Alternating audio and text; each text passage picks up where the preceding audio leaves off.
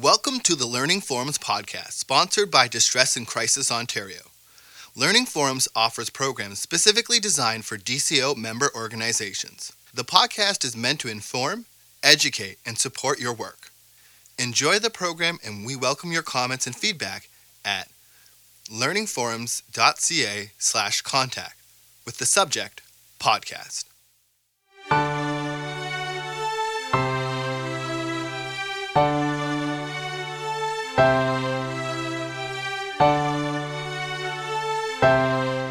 Is Victoria Kehoe, and I am the Executive Director for the Distress Centre of Durham Region. I began with Distress Centre in 1994, actually as a helpline volunteer. I wanted to get some experience frontline working with clients as I was pursuing a certificate in, in counseling techniques. And at that time, uh, it offered me that opportunity to work frontline and to get a sense of, of where my career path was going to go. In 1998, I was actually hired on to coordinate the training program for the center held several positions within the organization until 2006 when I became the executive director. Uh, my passions include um, interior design, creating and delivering training segments, and my education is volunteer management and uh, human services counseling, as well as training and teaching adults. So I'm really glad to be here today to talk to you all and, and to do a review of active listening and the power of empathy is what we're going to focus on. Rachel Naomi Remen says, Our listening creates a sanctuary for the homeless parts within another person. And the power of empathy goes a long way towards securing that. The active listening process is the number one choice of vehicle for delivering emotional support. Certainly within the distress lines, we find that, uh, that this is absolutely key. The foundation of this vehicle, the cornerstone of this vehicle, is empathy. And I know that you're all very familiar with this concept working in this field, but we're going to really explore how we deliver empathy, how we express empathy, and what does it really mean. We're also going to, through this learning forum, look at the power of empathy as it connects to things like options exploration, how it helps us to build support networks with people who may have limited supports or just have limited access to their supports. So we'll begin with a review of the first few steps of the active listening process. Number one being first contact. Whether it's telephone work, being voice tone, or whether it's body language, if it's someone that you're speaking to in person. That's the first step and the first connection. Then we have pace. Pace meaning the, the length of time it takes for us to, to exchange our information. And, and the person controlling the pace is usually the person that is speaking to you. Setting a climate happens when we work cohesively with the client or the caller to create an environment where they feel safe, where they feel safe to share their thoughts, share their emotions. And identifying feelings is our next step. Identifying feelings can also be called empathy. And we're going to get to a more detailed uh, definition of empathy in a few minutes. Number five is verbal head nods or, or encouragers. Again, if you're in person, you have those body language encouragers that you can use. Now, these first five steps together are what we call our building trust facet. This is where we are able to work together within the very first few minutes of our conversation, of our interaction with someone, in order to build a trust. Do we think that trust is important in, in dealing with people that are sharing difficult emotional experiences? I think we can all agree that it's really important. Okay? And we're going to talk about how we do that. What is empathy? Our definition of empathy is the concerted effort to try and understand the feelings of another person and expressing those feelings back to that person, but in our own words. Okay? So, what is this telling us? This is telling us that, first of all, we have to make an effort to try and understand the feelings of another person. Do we ever really understand the feelings of another person. I want to ask you how many of you, just by a show of hands, have siblings? Okay. How many of you grew up with your siblings in the same house? Okay. Now, when you talk about things that happened when you were children, do those things ever, do you ever see it exactly the same way? Just goes to show that with the exact same experience, the exact same time, with the exact same circumstances, you still don't see it the exact same way. And that's the, that's the key piece for us to remember is that empathy is making an effort to try and understand with the acknowledgement that we will never 100% be in that person's shoes. So, why is empathy important, do we think? Well, certainly empathy is the first contact that you're going to have with a person, if you use an empathetic approach within your first contact, what difference is that going to make to the person that you're talking to? Is it going to help them feel less judged? Is it going to help you build and maintain a trust that's necessary for that helping relationship? Yeah, certainly. Uh, is it validating, normalizing, and empowering? Yeah. How are some of the ways it, it may be validating and empowering? Have you ever had an experience where you've talked to someone and had a great conversation and you felt instinctively that they get it? They know what I'm talking about. It subconsciously is something that transfers to us when someone uses empathy to connect with our experience and the feelings. The experience may not be the same, but the feelings can be the same. Uh, also, empathy is a verbal encourager. It's not something we think about very often. But the fact is, empathy is a verbal encourager. When you make an empathy statement to someone and you acknowledge their feelings, they are compelled to continue talking and tell their story.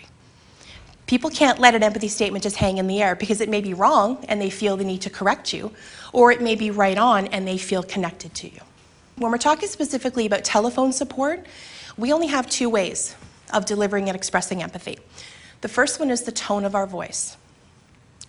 The second is the choice of words that we use.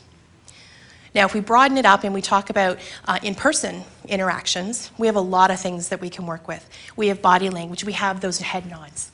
We have that eye contact that we're able to make. We have leaning in.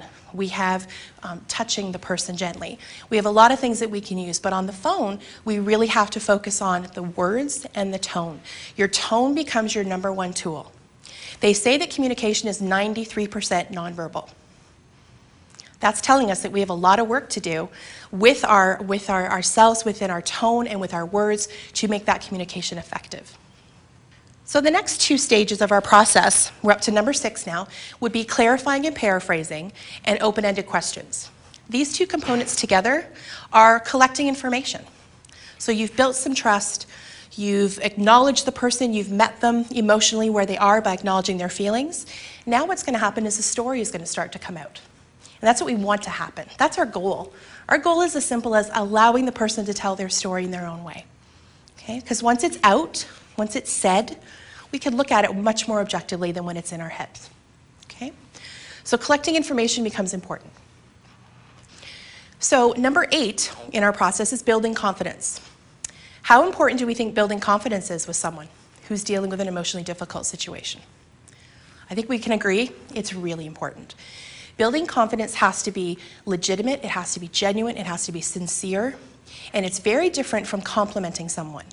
It's very different because we're citing examples of a person's actual achievements. Because when we're in crisis, and crisis can be emotional, that what happens is we lose sight, we, we, we develop this tunnel vision where we actually lose sight of our own achievements and our own past coping skills which is what number, uh, number eight and number nine together, which is self-disclosure. Sometimes it's helpful for us to disclose a little information about ourselves, again, to continue building that trust relationship. Again, there's, there's a lot of cautions around self-disclosure, and, and we all know what those are. But quite simply, we have to make sure that the focus does not come off of them and then onto us. And what really, the key for self-disclosure is to keep in mind that what people want to know is do you connect with their feelings? When someone says to you, you know, are you married? Do you have children? What they really want to know is can you relate to the experience that I'm talking about? So what you do is you key in to how they're feeling about that relationship with their child. If they're having a difficult time with a teenager that's going through a rebellious stage, connecting with the feelings of being out of control, of feeling um, that you just don't know what to do. Even if you don't have kids, you've probably felt that way at some point. So that's a key to self-disclosure is, is related to feelings and not experiences. So eight and nine are identified coping skills. Number 10 is options exploration. When we talk about options exploration, the key here is we want to look at it from the past perspective, we want to look at it from the present, right here, right now, and we want to hopefully look to the future. By saying to someone, when you want to talk about options, what have you already tried? That sends the message that I'm not going to assume that you haven't done anything already that you haven't already gone through an entire bag of thoughts and, and, and potential solutions that didn't necessarily work out for you. I'm going to assume that you've done a lot already. And let's look at some of those things that worked and some of the things that didn't work. When we look to the present and talking about options, right here, right now, what's going to help you to feel better? What's going to help you to feel calmer and better able to cope? Right here today, what can we do together? And then in the future, and future sometimes is really hard for people to envision if you're in a crisis because that's all you're seeing. We're going back to that idea of the tunnel vision. But when we talk about the future, have the person draw for you a visual picture. Close your eyes and describe for me a time in your life where this problem no longer exists. Describe for me what your life looks like. That's sometimes a little easier to do. And let's maybe work together and see if we can put some plans in place or some steps in place to get you even just one step closer to that vision. Okay? And the empathy comes through in, in phrasing it in those ways, but it also comes through in the tone that you're using. There is such a difference between asking somebody, you know, if this wasn't a problem, what's, what's the future going to look like for you? Versus, tell me what it looks like for you when this is no longer the most difficult thing you're dealing with. Our voice and our, our entire body becomes a way to emote that empathy. Number 11 is support networks. What are we talking about with support networks? Well, let's look at the idea of, first of all, what's a support?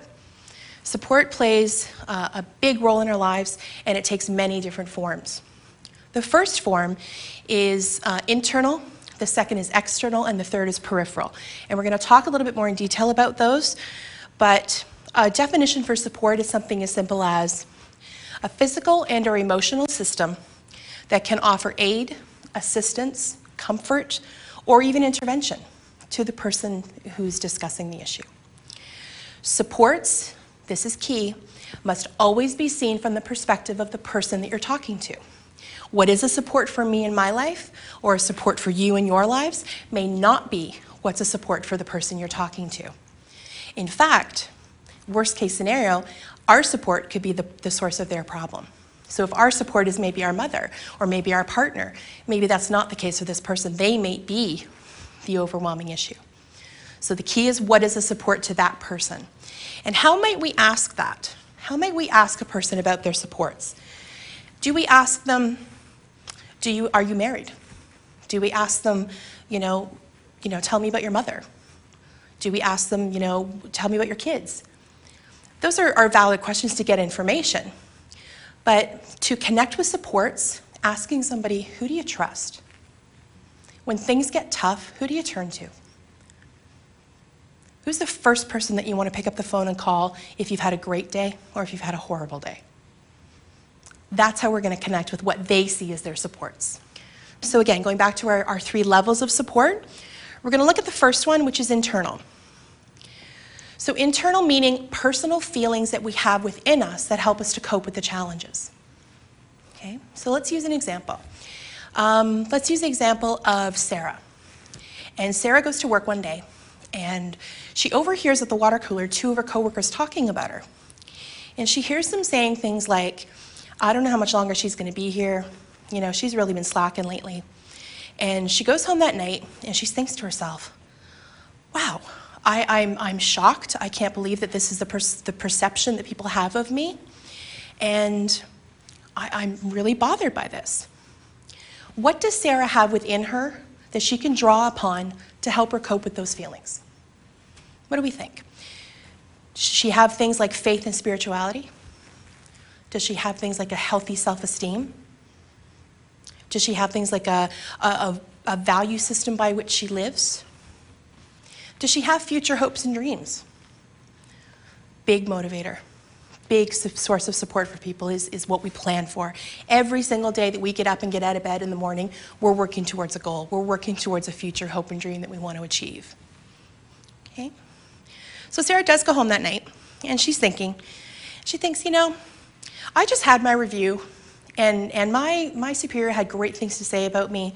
And, you know, maybe they were just having a bad day, and tomorrow I'm just going to go in there and I'm going to pretend like it didn't happen, and I'm okay. I know I do a good job. She drew upon her own personal supports, her own internal sense of self to cope with that situation. Okay? But let's say she goes home that night and it's still bothering her. She's done all of that self, uh, self-talk. She's thought about it and it's still really bothering her. Maybe she feels the need to share it with somebody in her life, to talk about it. She goes to her external support system, which refers to the readily accessible people we already have in our lives. The key here is that they're already there. We already have them.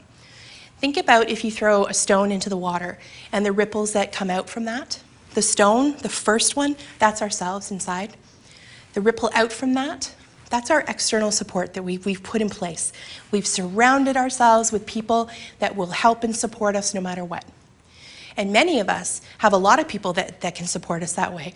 Some people may have one, one or two. But the fact is, the healthiest support network is a support network that includes all levels. And we're going to talk about the third level in a minute. so Sarah picks up the phone, and the first thing she does is call her best friend because her best friend Linda doesn't care that it's 2 o'clock in the morning. All she cares about is that Sarah can't sleep tonight and that Sarah needs to talk and she's had a bad day. And this has really upset her because she's worked very hard in the last few months with a lot more pressure because of the economy and the downsizing. She's had a really hard time. So Linda does what Linda does best. She offers her emotional support. She empathizes with her feelings. She lets her vent. She lets it get it off her chest. And at the end, Linda's only said a few words. But Sarah's able to go to bed that night. She's able to sleep. And she feels better going into work the next day. Because she's used her internal and her external levels of support. And that was enough for her. Okay? So, some other examples of external types of support would be things like best friend, would be things like, or could be things like pa- uh, partner or spouse, could be things like your sister, your brother. Maybe you have a great relationship with your adult child. Maybe they're a great source of support. Trusted family, trusted friends, colleagues, coworkers. How many of us spend more time with our colleagues than we do with our families? and if you're lucky enough to have a great support system at work, they can play a crucial role in that. If you already are part of a group, if you already are part of a faith and, and can go to your clergy for support, um, or a family doctor, maybe you have a great relationship with your family doctor. The key is they're already present in your life. Okay? But we go to the next level because even after talking to Linda and going to sleep that night, Sarah is still really feeling like she's nervous at work. It's, she's feeling very anxious. It's a few days later. Um, she's really avoiding the women that she heard talking about her, and she's struggling. She's having a really hard time. She starts to doubt herself. She starts to doubt her abilities, and she thinks that it's, she needs more than just talking to her friends and talking to her husband. She's decided that she needs to maybe talk to her doctor and to get some support that way. So she's going to the community level. She's going to the peripheral level of support, that outer ring of our, of our stone metaphor. Okay? So the peripheral level being community or professional services that exist in the community. Examples could be things like crisis services, because perhaps this triggers um, a depression crisis for, for Sarah, who hasn't really had issues with her depression for a long time, but maybe this triggers that. Uh, perhaps she needs a support group because her anxiety is becoming really too difficult to live with. Um, perhaps she needs to touch base with, it, with a church group because her faith is being questioned. Whatever she needs, she can access on the community level because that's the next step for her in order to get through this situation. It may seem like a really simple little issue to us, but that's not, not the perspective we're looking through. We're looking through her eyes, we're looking through Sarah's eyes, and through her experience. And what she needs is all three levels. So, going back to our idea of empathy, how important is it that we use an empathetic approach? Key, absolutely key. Because as soon as a person feels judged, which would be a lack of empathy, which would be a lack of connecting with a person's feelings, which would be a way of, of distancing and breaking a trust connection with someone to not use empathy, leaves them feeling very vulnerable. So, empathy, again, is, is very, very important. The empathetic approach that we use keeps the focus on that person. It doesn't turn it around to be about us, it is a benevolent experience. So, if we look at that model, if we look at, and, and I want to go back to the visual for you for a second, of the ripples in the pond. That internal ripple, we said it contains things like our spirituality, our faith, our future hopes and dreams, our sense of self esteem, The outer is the people that you would pick up the phone and call first if you had a good day or you had a really bad day. There are people that are already in your life that you've leaned on, that you've been able to access in the past, that you know you can access again. And the outer level being those, those community level supports that, uh, that are accessible to people who need them if they need that extra level of support. And again, as I said earlier, the most important part of a support network, if you think about it like a net, how all the pieces of a net are connected, that is the strongest net. The strongest support network has, has um, supports in every level. So we left off at 10 and 11, which were options exploration. And we talked about how important it was to look at the past first, to ask the person what they've already tried, what worked in the past, what didn't work in the past. We've looked at the idea of present right now. What can we do right now together in this moment, in this phone call or in this appointment that, that is going to help you to, to be better able to cope, even just for the rest of the day? Okay, so the present, right here, right now. And in the future, what plans can we put in place to get you to a place where this, this problem isn't so overwhelming? Where it's still something that you're struggling with, but maybe you're coping with much better. And number 11 being support networks internal, external, and peripheral. Those two pieces together are the options exploration because very often your options are going to come from tell me about what your vision looks like for the future. And maybe we're going to look at how your supports can play a role in that. Number 12, 13, and 14 of our process is really the winding up phase. This is the coming to an end of your discussion or your conversation or your phone call. And it includes things like referrals. So, um, using empathy to give appropriate referrals. An empathetic approach, remember, is also an empowering approach. Empowering someone to take the steps that they deem necessary for the next step for them. Not what we think they should do, not what we think may take this problem away immediately, but what they feel they're able to do right here, right now. Because at the end of the day, if they make the decision, they own it, they're responsible for it, and they get all the credit. If we make it for them, it's not empowering. It's, it's us leading them by the hand, and that's not the best way to do it. When someone's in crisis, they may need that, but if they're not in crisis, we want them to feel empowered. Number 13 is humor. It may seem strange that that shows up, but near the end of a conversation that's been emotionally draining or intense, what inevitably happens is somebody needs to de detensify, I'll use that word if it's a word or not, um, is, is to eliminate some of the intensity of the conversation that we've had. So the person tries to lighten the mood a little bit. They might crack a joke, they might do a little chuckle or a laugh.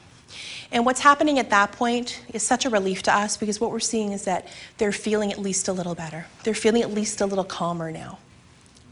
And number 14 is the actual wind up. Part of our wind up could include things like summarizing what we've talked about, summarizing what our plans are for the future because we're in this together. We're working together with them. We're going to help them through every step of this, whether it's particular to using your service, whether it is connecting them with other community support services, or whether it's everybody working as a team. We're not gonna, we're not gonna leave them. We're gonna work together with them as part of that wind up. So that's just been a review of the process. We've talked about the importance of empathy. We've talked about how we express empathy, how we can infuse empathy into our interactions. And, you know, it's great to know what to do in the active listening process, but sometimes it's more helpful to know what things to avoid. To know what things that, okay, we can keep this in mind that we don't say this or we don't use these terms. That can sometimes be even more helpful for us. So, the best way to keep a, a, great active listening situation happening is to avoid things like the use of should, why, and but. Should and why, in particular, imply judgment. Even with the most wonderful voice tone, saying, maybe you should, says you didn't, and that was a mistake. Okay, it's very subtle. So if we avoid the use of should and why, uh, it just makes that communication that much better, that much stronger, and it maintains it better. Just a hint too, you can always replace the word why with tell me some of the reasons. Instead of saying to somebody, you know, why would you do that? Tell me some of the reasons, the reasons for that, some of the reasons for that choice. You can always replace that. The use of closed questions is something we want to avoid. What happens with a closed question uh, is it shuts down the conversation. It puts the onus back onto you to continue asking, to continue probing in a way. And we want that other person, whether it's a caller or a client, we want them to be the one to carry the conversation. So we don't use closed questions. If you use questions that start with did, if, would, have, they're inevitably going to be closed, meaning they can answer with just a yes or no. If we ask questions with what, how, tell me about, they have to expand on an answer. Okay? That's a good way to avoid closed questions. We certainly want to avoid fixing and rescuing. We don't want to, you know, dive in with our savior cap on and, and save the day. That's not the role. Because again, that goes against our whole idea of the empowerment philosophy, of the idea that within each person they have the capacity to develop their own coping skills with, with support, but not doing it for them. Okay? So we don't want to fix, we don't want to rescue. We want to facilitate a person's own journey. We want to avoid judgments. Judgments is a hard one because we all have our own personal value system. We have our own culture, our own morals, our own sense of what's right and wrong. Making assumptions and making judgments can be very subtle, which is why I said in the beginning how important our voice tone is. If you have a sincere and calming and genuine voice tone, that goes a long way to a person not feeling judged, even if you use the wrong word. Making assumptions. We have to keep an open mind. We deal with diverse populations. We deal with people of different cultures, different backgrounds, different who've made different choices than, than maybe we have made. So we don't want to make assumptions about that. We don't want to interrupt. And sometimes that's hard because sometimes you have the perfect kernel, you have the perfect little thing that you want to interject that you know will just open the whole conversation up. But you also know that that person is, has a train of thought that they're following, and you don't want to break that train of thought. Okay, so we avoid interrupting. We avoid the use of cliches. Gotta love the cliches. Examples of cliches are things like every cloud has a silver lining, time heals all wounds, things will look better in the morning. The funny thing about cliches is that when you boil them down, isn't there an element of truth in all of them? There's a truth in all of them. If there was absolutely nothing true about them, they wouldn't exist, they would fade away. But the fact is, there is a little piece of truth in them. And the intention behind using a cliche is comfort. You want to comfort someone, you want to help them feel better. But what it does leads into our next avoid, which is dismissing the problem. When you use a cliche, you dismiss the importance of what that person is experiencing. So we want to avoid that. Okay? Because you certainly don't want to get all the way through your process and end up at the very end dismissing it and ruining all that trust you built up in the very beginning that you were able to maintain throughout that conversation. I have two questions. Uh, the first one being uh, that a trusting relationship is very crucial uh, at the onset of uh, the client worker relationship, and empathy response uh, or approach is important. What could be some of the hurdles that could prevent that from happening? So just for clarification, that could prevent it in the beginning or prevent Yes. it ongoing in the beginning? Yes. Yeah. Um, the trust can be broken very easily. It's a very tenuous thread that when you first begin, you want to make sure you do everything within your power to make sure that you're being empathetic. As I mentioned, if you're one-on-one, you want to use everything that your body can to focus on that person, to make them the center of the, of the attention, to keep them talking by using the tools that we discussed. Um, if you feel that the trust is, is not building, use more empathy statements. Really get at what are you seeing this person um, from your perspective? What do you see that they're feeling? You're looking like you're a little confused right now. You're, you know, it seems to me like this is something that's hard for you to talk about. You want to address what you're seeing and what you're hearing. Again, going back to the idea of telephone work, you really have to rely on the sound of the tone of voice you're listening to and your own tone that you're using. Okay? So again, hitting the feelings, always going back to the feelings builds a stronger connection. My second question was about active listening. Um, d- does the worker get better with that skill using it, or does uh, can that skill be lost with time not using that skill? Great question. As with any tool, as with any skill that we learn, because this is not something that comes naturally to most people, we are an efficient society. We ask closed questions to get information as soon as possible. We don't focus on wanting the other person to, to tell a lot of a story. So, as with any skill, if you don't use it, it will diminish. I think once you learn it, once it becomes a part of who you are, I don't think it ever really goes away 100%, but practice always makes perfect.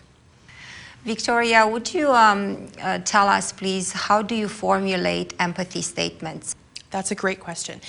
The, again, one of the keys of empathy, one of the, the important concepts for us to take away is the idea that it has to sound and feel natural to you using them.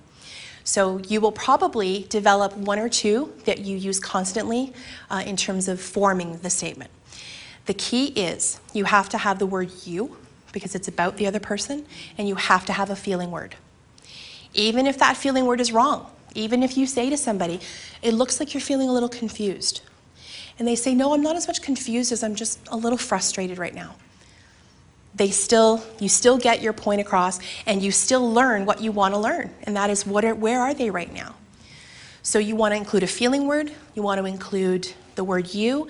And for me i like you sound because i come from a background of phone work. So for me it's very much about you sound. But one-on-one it's you know it seems like you might be. It looks like you might be feeling um, you appear. Is it possible that that, that's what I would suggest. But you have to find the one or two that really key into feeling the most natural for you, um, and then it'll be easier to continue using them. Victoria, can you tell us what is appropriate for self disclosure? That is a really tough concept. Of all the pieces that make up our active listening process, that's probably the one that causes the most confusion. The, the most questions from, from the individual of how much is too much, what's appropriate, what fits into the boundaries. And I would, I would approach answering that from the perspective of if you work within an agency, you have to pay attention to what your agency policies and procedures are around self disclosure. That eliminates a lot of the problems right off the bat. Is, is it confidentiality, anonymity? What are the policies that govern your agency? Okay? Um, so fall within those. Then there will be gray areas that aren't covered by a policy but are up to you to determine. And as I said uh, earlier on, the key for someone asking a question like, Are you married or do you have children? is really they want to know that you understand their feelings. So you want to answer the question in a way that connects with the feelings and then redirect it back to them. That's the best way to use self disclosure because if you think of a visual, self disclosure can very quickly paint you into a corner that you can't get out of. Because the, the balance of the discussion very much can become about you if you disclose too much. And that's a natural inclination for someone who shared so much of themselves to want to know more about you to balance it out. So you want to avoid that by answering it directly in terms of if you're comfortable saying, you know, no, I don't have children, but what I'm hearing from you is that you're really struggling with, with your son right now. And that must be so heartbreaking to, to see this relationship that you focused on so much deteriorating like it is. Is that, is that what you're thinking? Is that what you're feeling? So you're answering it and you're redirecting it. Okay. Does that clarify some of it for you? Okay. But I always fall back on the agency policies because that really does help. Because the onus isn't on you. The onus is, is following what your proper procedures are. Okay? So thank you so much for your attention. Thank you so much for giving me the opportunity to talk to you about this. And I hope that this gives you some additional tools that you can use when you consider active listening and empathy.